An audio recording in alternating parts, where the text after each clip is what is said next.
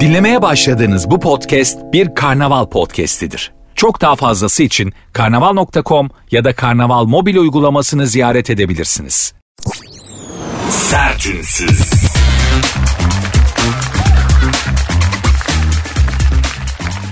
Herkese merhaba. Sertünsüz başladı. Ben Nuri Özgür. Saat 22'ye kadar beraberiz. Günün, günlerin ve gündemin bünyenizde biriktirdiği negatifi alıp bir miktar da olsa yerine pozitif vererek sizleri rehabilite etmeye, günlük sıkıntılarınızdan, düşüncelerinizden kurtarıp başka şeyler düşündürtmeye çalışacağım. Yaparım yapamam bilmiyorum ama bana bunu yapmam için para veriyorlar. Ha Steve McQueen'in dediği gibi bir kere yaptıysam yine yaparım. Çok önemli bir sözdür. Hayatımda benim için rehber olmuş sözlerden biridir Steve McQueen'in bu sözü. Bir kere yaptıysam yine yaparım. Dolayısıyla daha önce negatifini aldığım çok insan var. Hiç merak etmeyin. Sizin de bünyenizde birikmiş olan. Çünkü çok ifrazat yapan bir gündemimiz var. Dünya böyle yani artık hep sürekli negatif yükleniyor. Sürekli negatif yükleniyor bize. Artık dünya gerginlikten beslenen insanların yönettiği bir yer. Bizi geriyorlar ki daha rahat yönetebilsinler. Bütün dünya için böyle yani. Bila istisna bakın dünyayı yöneten insanlara hepsi gerginlik. Hepsi böyle bir stres. ya şurada bir rahat edelim. Şurada kaç yıl yaşayacağız arkadaş. En baba yaşayan 80-90 yaşıyor. Bir rahat edelim şu dünya bir güzel yer olsun diyen yok. Oradan Putin oradan füze atar. Biden oradan bir şey yapar. Aşağıda neydi o? Esat bir şey yapar. İran oradan kuyunu kazar. Hindistan bir şey der. Çin desen haydi ya gıdım tırnak kadar Kore bile kafa tutuyor. Hödöle hödöle yapıyor arkadaş. Bu dünyada hiç mi huzur isteyen insan yok ya? hiç mi huzur isteyen biri bu dünyada etkin bir yere gelemeyecek? Olmuyor. Tarih de ama böyle yazılmış. Hep gerginlikten, çatışmadan ve stresten. Aslında tabii dünyaya bu kazığı atan, aslında kazığı atan da demeyelim. Bunu tespit eden de ünlü filozof Heraklitos'tur. Heraklitos çatışmaya inanır. Çatışmanın her şeyi ilerlettiğini, varlığı, varlığı tekamül ettirdiğini, geliştirdiğini, her şeyin çatışmayla büyüdüğünü ve geliştiğini ve evrildiğini savunur, söyler. İyi ile kötü çatışır, karanlıkla aydınlık çatışır, siyahla beyaz çatışır, onunla bu çatışır. Bu çatışmanın sonucunda da bir düzen ortaya çıkar der Heraklitos. Neyse başlar başlamaz çok bilmişlik yapıp kafanızı ütülemeyeyim ama. Maalesef niye çatışalım kardeşim? Bir o söylesin bir ben söyleyeyim. Güzel güzel. Eh, yok illa çatışma, illa itişme kakışma. İşte bütün bu harala göreli iki saatlik bir ara öneriyorum size. Sert ünsüzü beni dinleyerek bu harala göreliye, bu çatışmaya, yetişmeye, kakışmaya iki saatlik bir ara verin. Ben anlatayım siz dinleyin. Neredeyseniz hemen yanı başınızda ben oturuyormuşum ve ben anlatıyormuşum siz dinliyormuşsunuz gibi farz edin. Böylece şu iki saati bitirelim. Programa katılımcı da olabilirsiniz. Şu şekilde sert unsuz iki alt tire. Sert unsuz yazıp sonra da iki alt tire koyarak hem Instagram'dan hem Twitter'dan bana ne söylemek istiyorsanız, ne yazmak istiyorsanız yazabilirsiniz. Benim Instagram adresim de var. Nuri Ozgul 2021. Buraya da görüş, fikir, düşünce. Artık neyiniz varsa. Kahve falı, kahve içersin. Aa falıma bakar mısın diye. Çok güzel kahve falı bakarım. Ölüyorum desem dur ne yapıyorsun diyen olmaz da şimdi kahve falı fotoğrafı yağacaktır. Bir kere söyledim yağdı. kahve falı fotoğrafı yağdı. Şuraya bir baksana ne olur diye. Gerçekten iyi kahve falı bakalım. Burası tartışılmaz bir gerçektir. Bu ispatlanmış bir gerçektir ama bu program öyle bir program. Sakın bana kahve falı falan fotoğrafını çekip yollamayın fincanı. Çok başım ağrıyor. İki gün kendime gelemiyorum. Vallahi bildiğiniz gibi değil. Senede iki kere ancak bakabiliyorum şekerim. Çok büyük ağırlık yapıyor bildiğiniz gibi değil ya. Bu işi bırakıp fal işine girsem şu anda para sayıyordum böyle. Hani hem de böyle para sayma makinesine koyup diye falan sayıyordum paraları ama ne yapalım o işler bizim işlerimiz değil hanımlar beyler.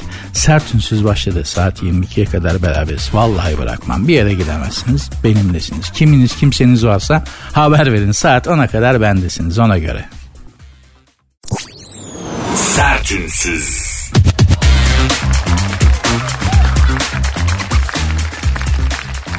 Yuvayı prens yapmış. İngiltere Kraliyeti'nin iki numaralı varisi Prens William parantez içerisinde 39 bu olan 39 yaşında mı ya? Daha büyük gösteriyor abi.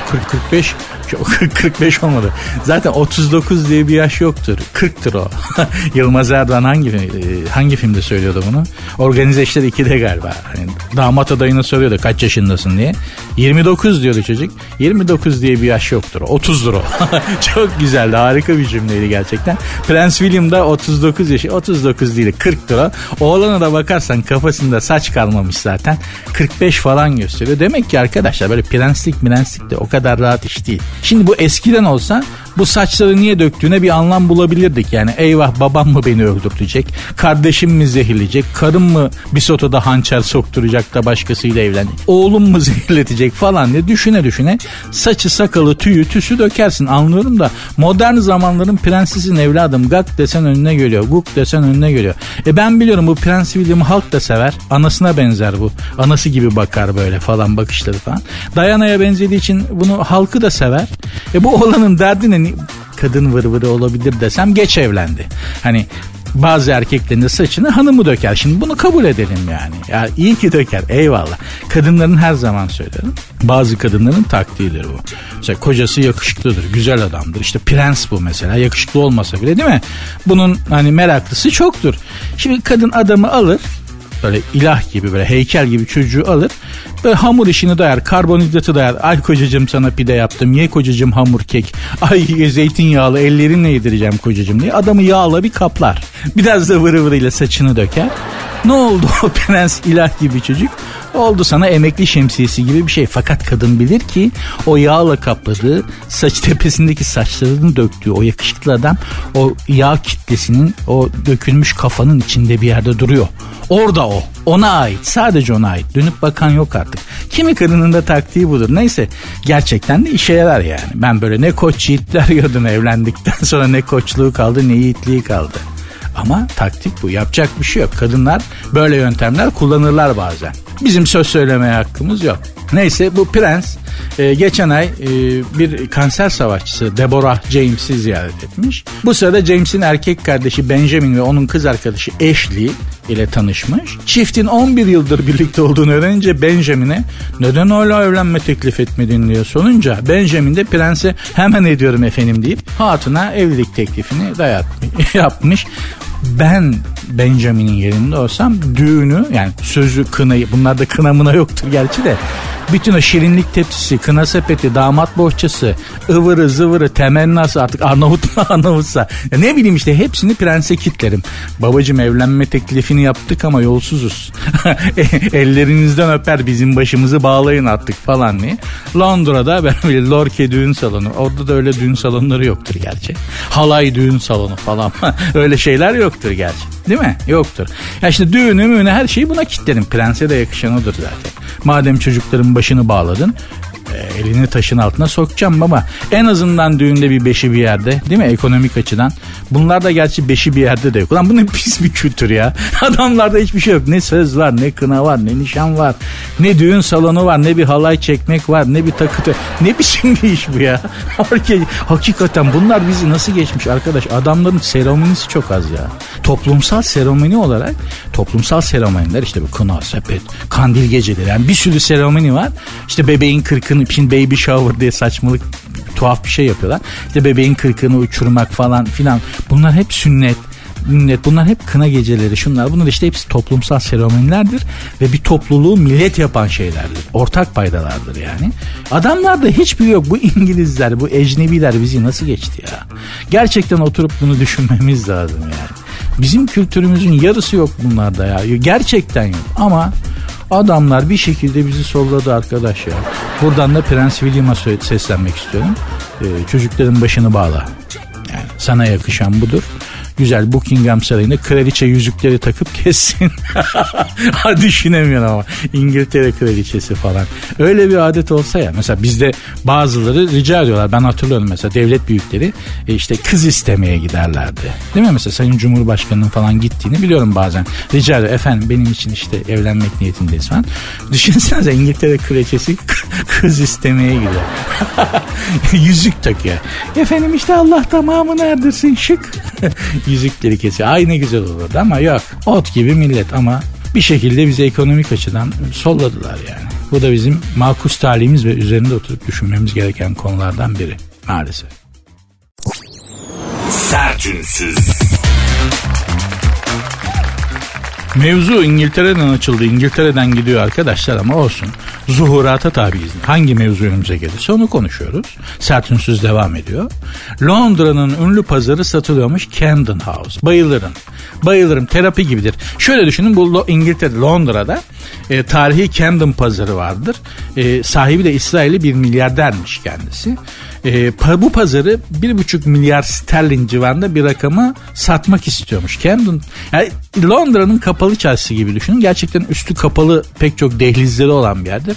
Saatlerce dolaşırsın kendini kaybedersin terapi gibidir. Bizdeki kapalı çarşının tırnağı olamaz. Ha benzer yerleri nedir? Camden House'da çakmanın kralını satarlar. Bizim kapalı çarşıda da. Kapalı çarşıda neredeyse orijinal ürün yok. Baba hepsi çakma yani. Hani boş altından nedir bu çakma? Yok bundan sonra böyle bir şey desen kapalı çarşıda esnaf kalmayacak neredeyse. O derecede. Bu Camden House da böyledir ama burada dolaşmak çok güzeldir. Bazen arada böyle çok enteresan benim de oradan aldığım böyle bir bavul mavul vardı böyle çok eski e, nasıl söyleyeyim şimdi tarif edemeyeceğim ama böyle eğer biraz da ikinci ele meraklıysanız çok sizi çok mesut edecek bir yerdir bu Camden House. Ben de oraya gittiğimde orada Camden House'da dolaşmayı çok severim. Millet Soho moho ben de yok abi ben Camden'a gidiyorum falan derken ya ne biçim adamsın sen de ne tuhaf adamsın falan derlerdi ama buradan da Türkiye'nin zenginlerine seslenmek istiyordum. Özellikle inşaattan parayı bulmuş abilere. Bu arada konjonktür onlardan yana olduğu için onlara sesleniyorum. Bu bir, bir buçuk milyar sterlin sizin için bir para değil abi. Yani bir, bir şeyde bir projede zaten siz bu parayı vuruyorsunuzdur. Ya şurayı alın da yabancıya gitmesin. Abi gitmişken hiç olmazsa deriz ki buralar bizim alo şş falan diye.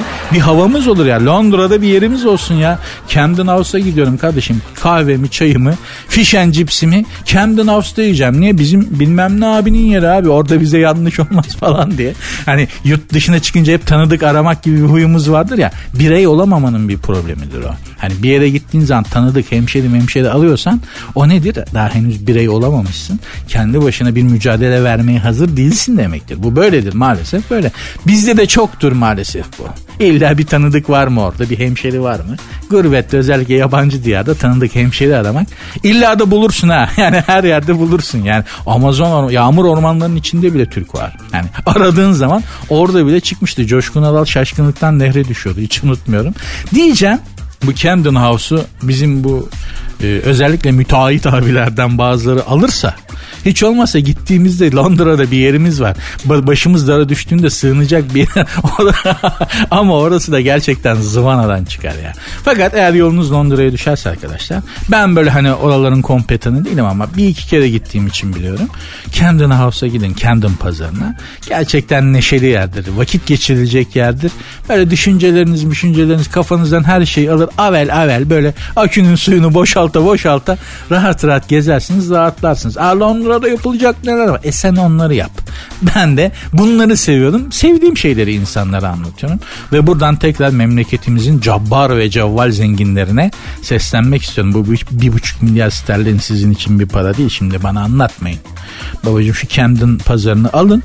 Biz de gelmişken gider alışveriş yaparız. Size bir destek bir yardımcı oluruz. Yaranızı sarmak babında 3-5 alışverişimizi yaparız. Lütfen ya. Lütfen yabancıya gitmesin. Sevdiğimiz bir yer ecnebiye gitmesin ne olur lütfen. Hanımlar beyler e, programın adı Sert Ünsüz. Ben Nuri, Nuri Özgül.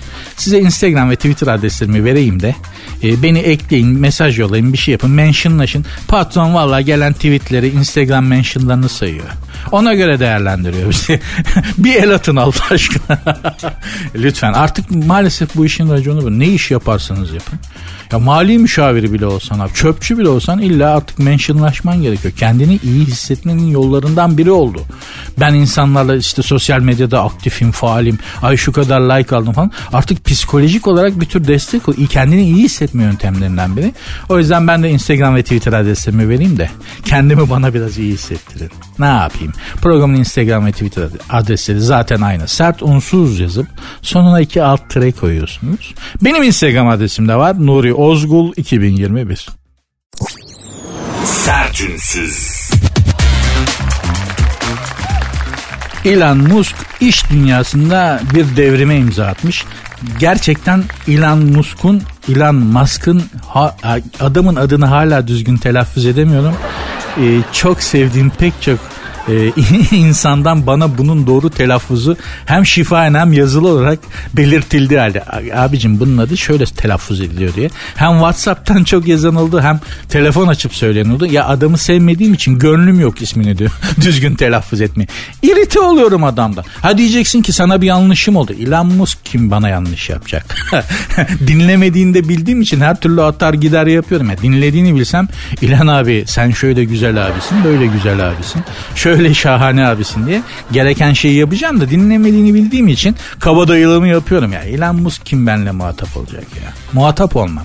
Ha neden gıcığım bilmiyorum. Ağlamış surat. Öyle oradan irite oluyorum yani. Daha önce söylemiştim. Adamın bir kötülüğünü görmedim. Üstelik bizim uydularımızda da uzaya o yolluyor. Ee, bize faydası da var çocuğun ama bilmiyorum sevemedim. Bir ısınamadım. Esmalarımız uyuşamadı. Eskiler öyle derdi. Anlaşamayan, sebepsiz yere anlaşamayan iki insan için bunların esmaları uyuşamadı derdi. Esmaların uyuşaması ne uyuşamaması ya da uyuşması ne demek? Ya onu da bir zahmet Google'dan arayın. Şimdi program çok başka bir yere gider onları anlatmaya çalışırsak. Elon Musk benim sevdiğim bir hareket yaptı nihayet. Tesla ofisinde çalışanlara biliyorsunuz evlerden çalışılıyor artık çok uzun bir zamandır. Türkiye'de de öyle, dünyada da öyle. Tesla ofisinde çalışanlara demiş ki artık o yok. Artık evde böyle donla atletle çalışma devri bitti. Ofise geleceksiniz haftada minimum 40 saat çalışmazsanız bunu istifa dilekçesi olarak kabul ederim. Şutingen şıtraze yaparım. Tazminatınızı da vermem demiş. Yani artık evde çalışanlara işte kafede çalışanlara e, diyor ki baba yok artık. O tatlı hayat bitti. Ofise geleceksin. Giyeceksin takım elbiseni, gravatını. E, ofise gelip çalışacaksın. O dönem bitti artık pandemi geçti diyor. Lütfen Türkiye'deki Türkiye'deki iş dünyasında İK'lara, MİK'lara işte patronaja seslenmek istiyorum. Abi lütfen şu çağrı merkezlerini falan tekrar ofise alın ya. Ya oturacak yer bulamıyoruz kardeşim kafelerde mafelerde. Şimdi ben hayatını yazarlık yaparak işte radyo, televizyon, sinema dünyasında yazarlık yaparak kazanan biriyim. Bir de radyo programı var. Dolayısıyla ben bilgisayarımı alıp gidip bir kafede bir yerde oturup yazı yazıyorum tamam mı? E tamam da yanımda kombi bakım merkezinin şeyin cevabını veriyor adam kafede. E, mavi ışık yanıyor mu kombide falan diyor adam kahve. Kafede adam kekini lattesini içerken e, mavi ışık yanıyor mu? Ma yani şeye bakın oradan mavi ışık görünmesi lazım. Aa o zaman ya, abicim Allah aşkına senin ofisin ofisin yok mu ya? Bunların cevabının verileceği yer burası mı Allah aşkına yani? Bakıyorum böyle bir kızcağız oturmuş. Ee, şimdi o ürünü tabii pazara penetre etmek için önce bir toplantı meeting set edelim falan diyor. Yanımda konuşuyor. Ya senin ne işin var burada kızım? Git ofisinde çalış. Bu işler ciddiyet ister lütfen ya. Elon Musk'un bu hareket ya hala adamın adını söylüyorum. Elon Musk. Elon Musk'ın bu hareketini çok takdir ettim. Çalışıyorsan kardeşim iş yerine gelip çalışacaksın.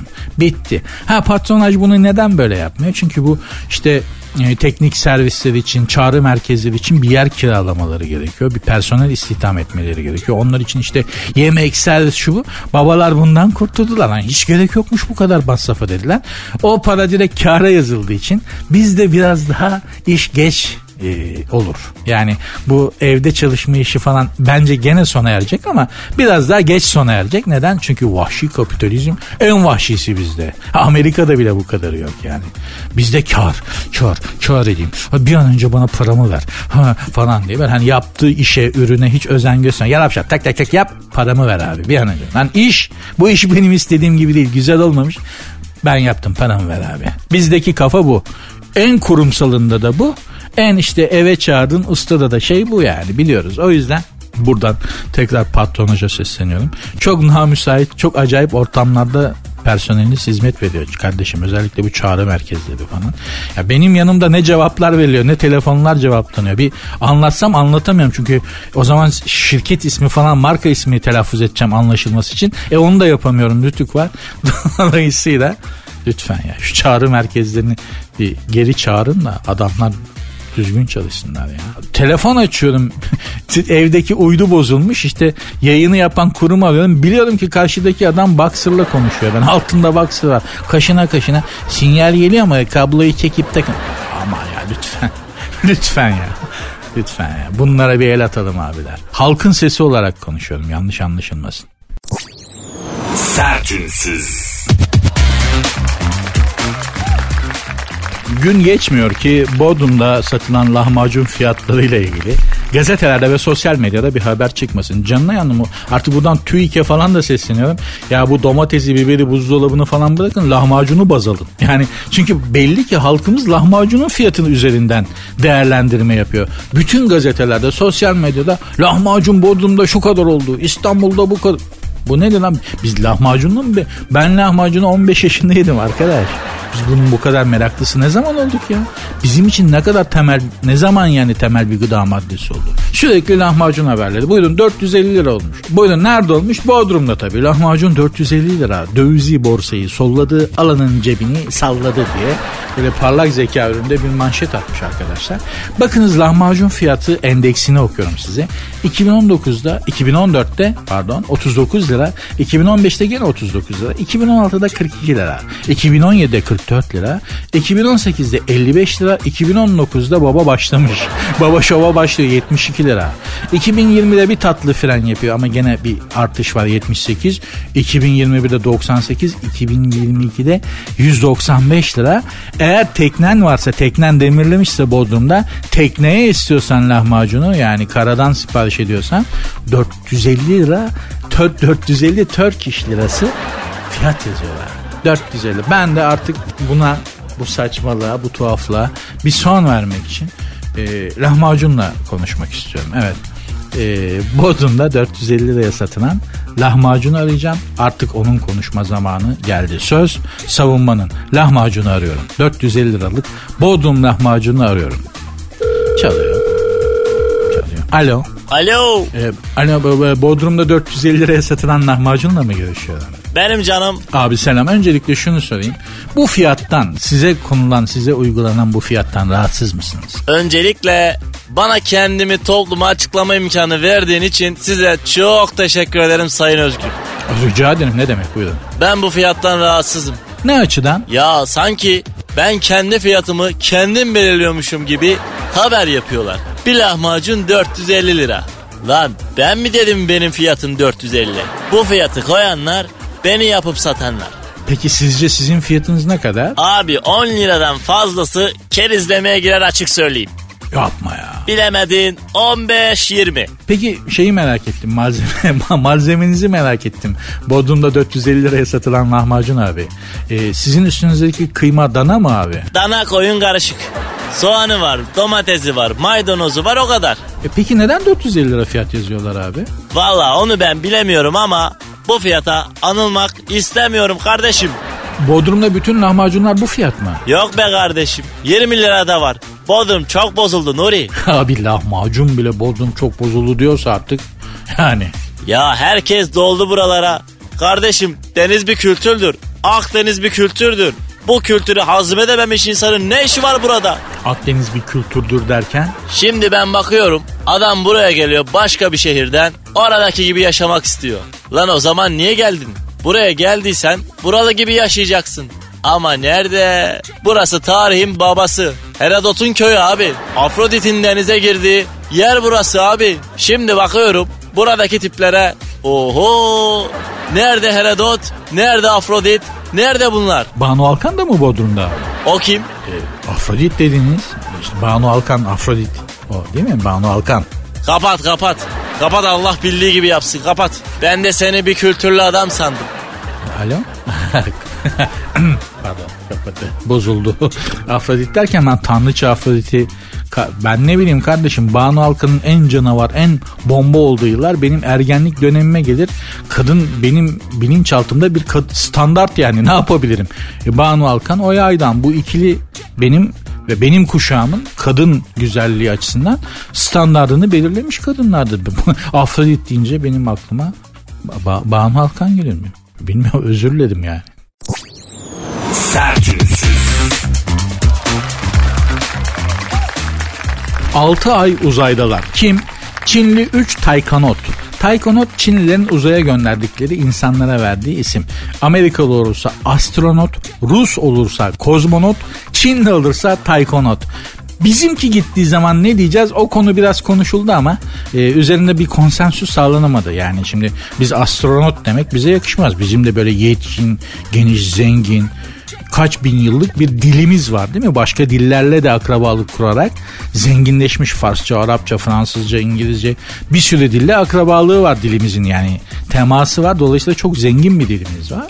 Ee, biz acaba uzaya gönderdiğimiz adama ne diyeceğiz? Sonunun böyle astronot, taykonot, kozmonot gibi notla mı bitmesi gerekiyor? Yoksa bambaşka bir isim mi bulmamız lazım? O da ayrı bir konu. Onun üzerinde de düşünelim arkadaşlar. Eğer öneriniz varsa şimdiden aklınıza gelen e, sert unsuz yazıp sonuna iki alt tire koyarak sert unsuz yazıp sonuna iki alt tire koyarak e, hem Twitter'dan hem Instagram'dan bana e, önerilerinizi yollayabilirsiniz. Benim Instagram adresim de var.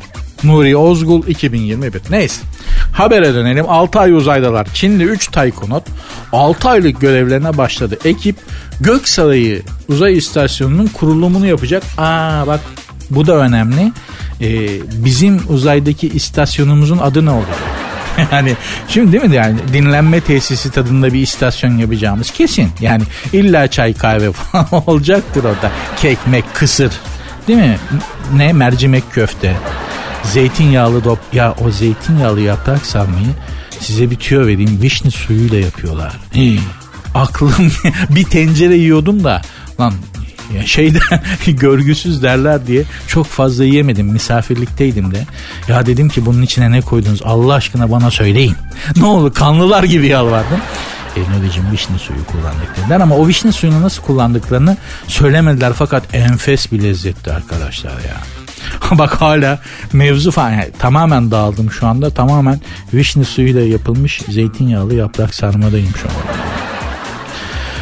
Oh, hayatta ne güzellikler var be. Vallahi ya.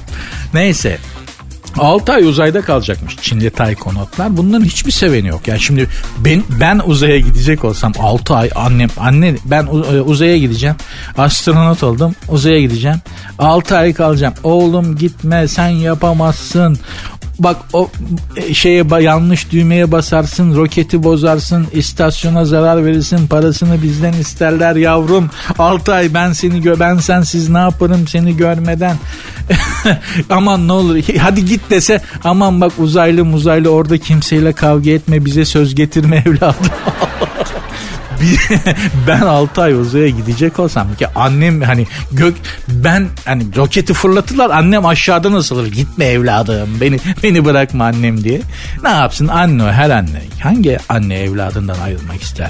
İlla bir aklı kalır hele uzaya gidiyorsun yani. Anne ben 6 ay uzaya gidiyorum desem bakkala yollasam 80 tane laf edersin bak uzay deyince 6 el alem gönderince 6 ay gidiyorsun gıkını çıkarmıyor. neler neler ya annelik böyle bir şey ama artık şu uzay projemiz beyefendimiz de lütfen devreye girsin. E, zannediyorum e, bu konuyla ilgili sorumlu beyefendi ismini hatırlayamadım çok özür dilerim. Sorumlu bürokratımız e, bir sene içerisinde ilk e, uzaya insanı, ilk Türk'ü, ilk vatandaşımızı yolluyoruz demişti. Ya Allah aşkına yollayın da konuşacak bir mevzu olsun memlekette artık ya. Yeter yıldık usandık hep aynı şeyler. Hep aynı mevzular. Hep aynı stresler. Ya şu uzay muzay biraz bir mevzu olsun. Konuşacak bir şey olsun ya. Ya futbol da mantara bağladı. Onunla avunuyorduk biraz. O da bitti. Valla işte Müge Anlı Sabahın Sultanı Seda Sayan. Ya 6 aydır evlenemeyen bir çift var. Ben bir ara es verdim Seda Sayan'ı izlemeye. Bunlar evlenemiyorlardı. Babaları falan taş koyuyordu. Ya bir buçuk iki ay sonra bir daha baktım ya gene evlenememişler. Arkadaş sizin probleminiz ne lan? Siz nasıl bir ailesiniz? Evlenmeyin abicim siz sizin üremeniz ya birbirinizle çoğalmanız doğru değil demek ki. Yani evlenmeniz bu kadar problem olursa bile bunlar çocuk yapacaksa oho tamam olur problem olur evli evlenmeden önce. Birileri istemez, birileri mani olur. Çıkar dersin ki ben bu kadını, bu çocuğu seviyorum, evleneceğim. Bitti kestirip atarsın. Bu ne lan? Anası istemedi. Kına şurada olacaktı. Burada olacaktı. Ben bu kızı seviyordum. Yok evlenmek isteyen çocuğun eski sevgilisi. Ya evlenmek isteyen çocuğun ablasını çıkardılar. Ee, kadın göbek attı. Geldi önce müzik çaldı ve şakkıdı şakkıdı şukkıdı oynadı. Sonra gelin adayına çamur attı. Gelin adayı alttan almadı. Elti mi oluyor? Yok Görümce, görümce, görümcesine cart çurt. Allah'ım ya Rabbim. Bak aslında boş konuşacak mevzu çıkıyor ama şu uzay muzay işine daha çok çıkar. Daha çok çıkar yani. Bir kere o uzaya gidecek adamı önce bir bulsunlar. Önce onu, onu bir yargılayalım şöyle. Mu lan uzaya yollayacağımız adam falan filan diye. Çünkü uzayda da bizi temsil edeceği için. Daha çok su kaldırır bu mevzu yani lütfen buradan da uzay projemiz hızlansın ve bir an önce yollayalım lütfen. Konuşulacak mevzu çok. Uzaya göndereceğimiz roketin adı ne olacak? Uzaya gidecek kişiye ne isim vereceğiz? Astronot, kozmonot, taykonot. Bizimkinin adı ne olacak? Uzay istasyonu, uzaydaki istasyonun adı ne olacak? Bizim Türk Uzay İstasyonu'nun adı. Değil mi? Orada ne olacak? Park yeri var mı? Park ücretli mi? Saati bunlar biz, biz olunca bunlar çok önemli abi. Çok önemli. Yani uzay mekiğini nereye park edeceksin? Park yeri ücretsiz mi? Saat ücreti ne kadar? Bunlar çok önemli mevzular. Çok önemli. East Park'ı uzayda görmek için sabırsızlanıyorum ya. East Park kültürünü uzaya taşımak için var ya yanıp tutuşuyorum. O zaman görsün uzay. Belki de uzaylılar bu yüzden gelmiyor. Abi geleceğiz ama yani uzay mekiğini bırakıyoruz saati 30 lira abi falan diye. ay ay ay çok mev- bu mevzuyu çok mavra kaldırır arkadaşlar. Sabırsızlanıyorum gerçekleşmesi için bir an önce. Sertünsüz.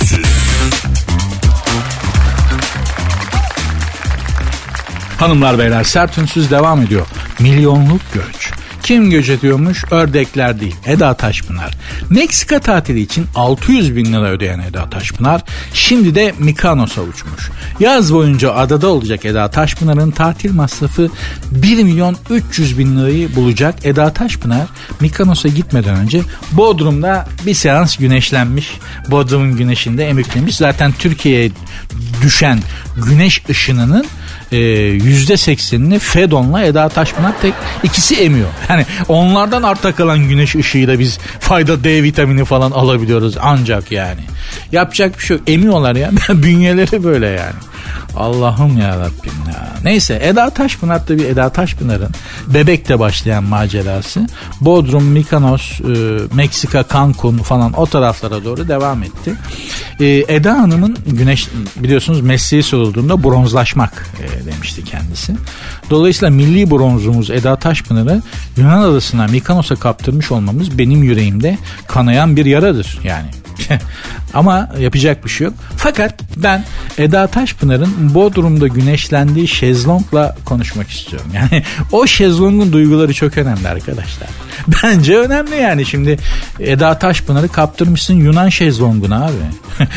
az az bir şey midir yani değil mi? Dolayısıyla ben şu anda Eda Taşpınar'ın Bodrum'da güneşlendiği şezlongu arıyorum. Görüyorsunuz çalıyor. Duyuyorsun. Alo kimsin? İyi, iyi akşamlar. Eda Taşpınar'ın Bodrum'da güneşlendiği şezlongla mı görüşüyorum? Söyleme öyle baba yaralıyım. Hayırdır abi? Eda gitti baba Eda gitti. Abi gene gelir ya. Yani Eda Taşpınar biliyorsunuz yaz mevsimini takip eder. Dünya ile beraber dönüyor kadın. Dünyanın güneş gölen tarafı neresiyse oraya gidiyor. Öyle bir yapısı var. Güneşi bu kadar istikrarlı takip eden gezegen yok ya güneş sisteminde. Gene gelir yatar yani size. Ya arkadaş bak şöyle anlatayım sana.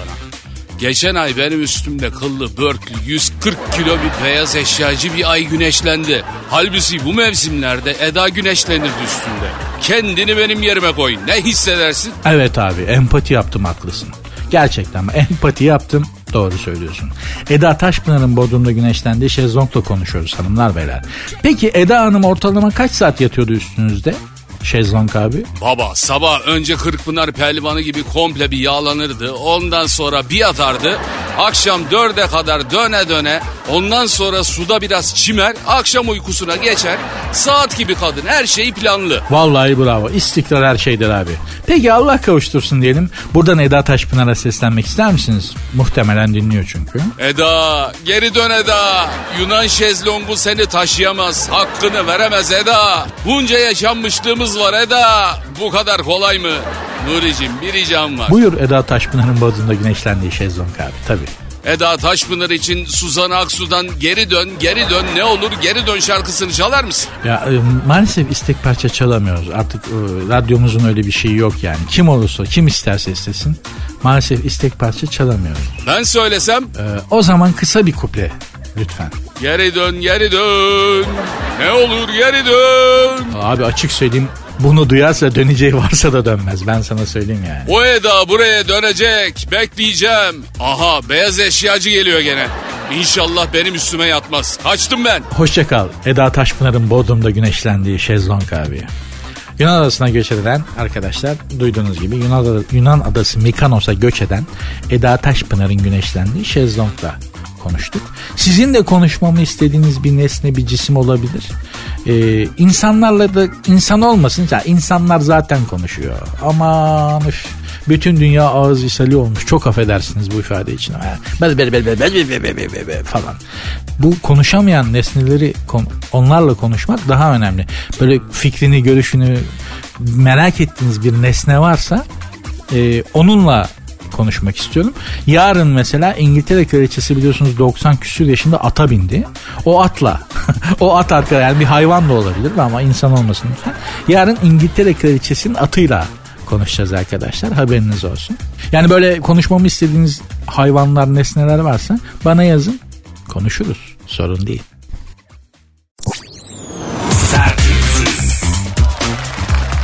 Galata'da Süpermen, Taksim'de Örümcek Adam.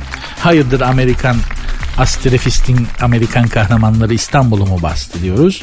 Bakıyoruz haberde ne yazıyor. İstanbul'a dün Süpermen balık tuttu. Süpermen. ya abi bak bunlar Türkleştiği zaman çok enteresan oluyor ya. Şimdi Süpermen'i düşün. Tamam mı? Neler yaptığını düşün. Süper, Süpermen filmlerini gözünün önüne getir. Adam İstanbul'a gelince kamış alıp Rumeli o istavrite olta atıyor. Lan sen Süpermensin dal suya çıkar istediğin balığı. Niye olta atıyorsun be abicim?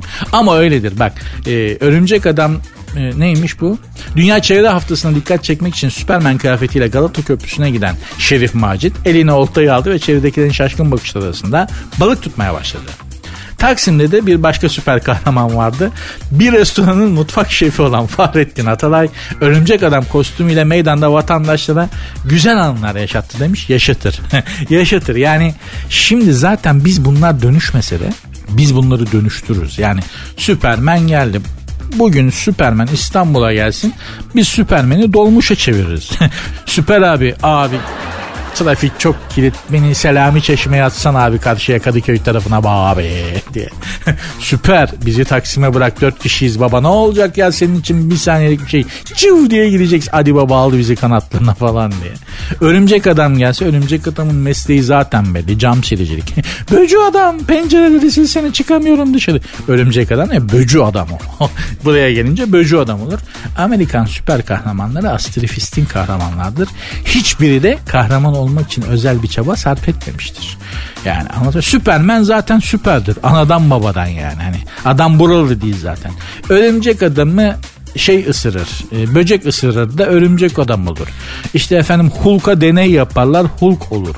E işte ne Kaptan Amerika'ya bir tane manyak bilim adamı bir yere sokar bir çıkartır. Cılız bir adamken böyle bir kas yığını süper becerikli bir adam olur. Bunların hiçbiri çabayla çabalayarak kahraman olmamışlardır. Bunlar hep tesadüfler. Bir şey başlarına bir şey gelir. Öyle bir kahraman olur. Bizim kahramanlarımız öyle değildir. Yani düşünün Türk bizim Türk dünyasının kahramanlarını. Hepsi tam modern bir kahramanımız yok ama henüz yani 20. yüzyılda icat ettiğimiz bir kahraman yok ama olsun. Ha bizim Türk kahramanlarına bakın milli kahramanlarımıza. Tamam modern zamanlarda yetiştirdiğimiz bir kahraman yok ama işte Kara Muratlar, Kara olanlar, Tarkanlar ve olan bile hep bir çabayla kahraman olurlar. Kendi olun tarlığıyla savaşarak, ter akıtarak kahraman olur. Amerikan kahramanları Astrefist'in yukarıdan zart diye bir şey iner. Bunlar kahraman olurlar. Modern zamanlarda bir Türk kahramanı ya bizden bir kahraman çıkmış olsaydı ne üzerinde etkili olurdu? Faaliyeti ne olurdu? Kahramanlığı ne üzerine olurdu diye düşünüyorum. Bence hani enflasyon ben hani enflasyonu düşürürdü. İşte değil mi? Hani yetiş falan derdin. Ne oldu baba? Enflasyon yüzde yetmiş. Tamam baba tık enflasyon yüzde on falan. Enfla ne adı ne olurdu acaba ya?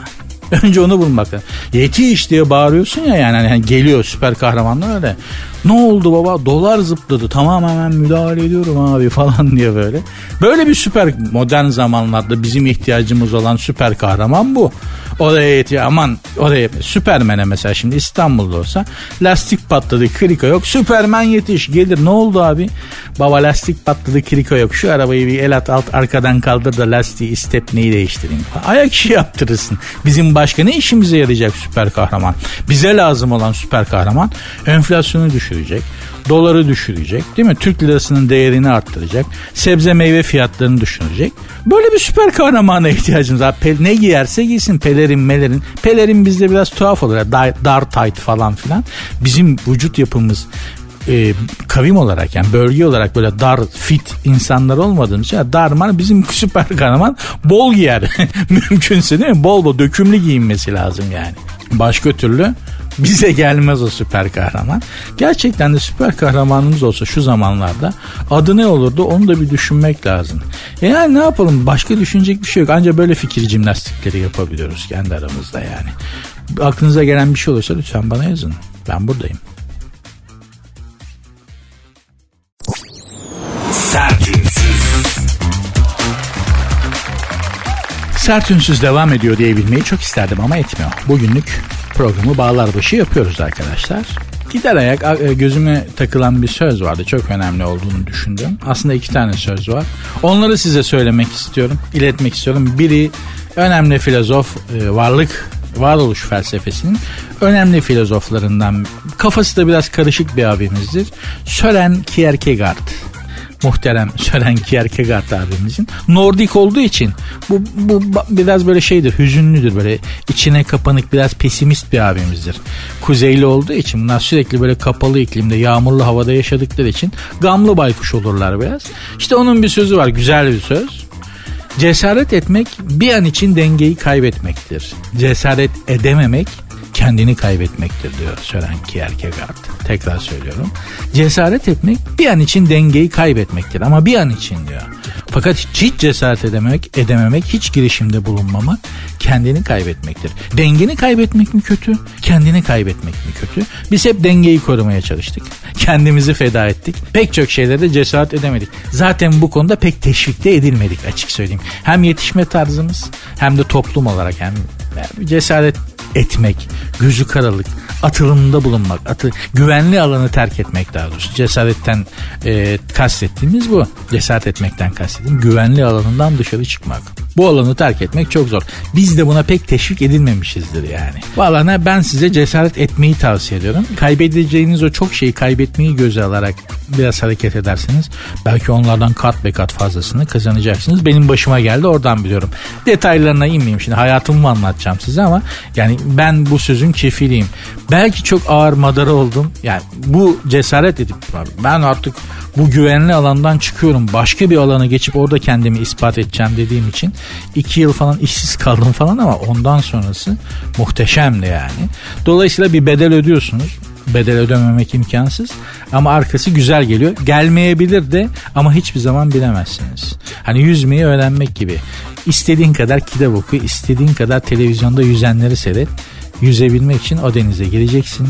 Biraz boğulur gibi olacaksın. Biraz su yutacaksın. Biraz korkacaksın falan diye böyle panikleyeceksin ama eninde sonunda yüzeceksin. Cesaret etmek böyle bir şey. Güvenli alanından çıkmak da böyle bir şey. İkinci söz e, filozofa yakın. Bizde pek bizde hiç filozof yoktur yani bizden çıkmış bir filozof yok ama e, filozofa yakın abilerimiz vardır. Yazarlarımız işte düşünce adamlarımız. Onlardan biri şairdir. Rıza Tevfik Bölükbaşı. Önemli bir şairdir. Çok da güzel bir şiiri vardır. Onun şiir, bir şiirinden bir mısrayla size veda edeyim. Gördüğün rüyada sade sen varsın. Şimdi şiirin tamamını okumayayım. E, irite olmayın ya şiir mi bunlar çok sevdiğimiz şeyler değil bizim ama bu şey gerçekten çok önemli. Gördüğün rüyada sadece sen varsın. Dolayısıyla da bu rüyayı gördüğünüz bu rüyayı hayra yormakta, hayat dediğimiz bu rüyayı hayra yormakta fayda var. Şerde yorsanız ne olacak? Siz kaybedersiniz, biz kaybederiz. Biraz cesaret edin. Hani eğer aklınızda varsa ya yapayım mı yapmayayım mı yapsam mı yap, yapın. yapın da belki biz de çok önemli bir insan kazanırız. Öyle yerlere gelirsiniz ki biz de hayranlıkla sizin başarı hikayenizi takip eder ondan ilham alırız. Hanımlar beyler programı bu şekilde çok bilmişliğimi yaparak rahatlayarak e, bağlar başı yapıyorum. Instagram ve Twitter adreslerimi vereyim de söylediklerime dair Sizin de söyleyecekleriniz olabilir. Lütfen bana yazın. Sert unsuz yazıp sonuna iki alt tire koyuyorsunuz. Sert unsuz yazıp sonuna iki alt tire koyuyorsunuz. Programın Instagram ve Twitter adresi bu. Benim Instagram adresim de Nuri Ozgul 2021. Görüşmek üzere. Dinlemiş olduğunuz bu podcast bir karnaval podcastidir. Çok daha fazlası için karnaval.com ya da karnaval mobil uygulamasını ziyaret edebilirsiniz.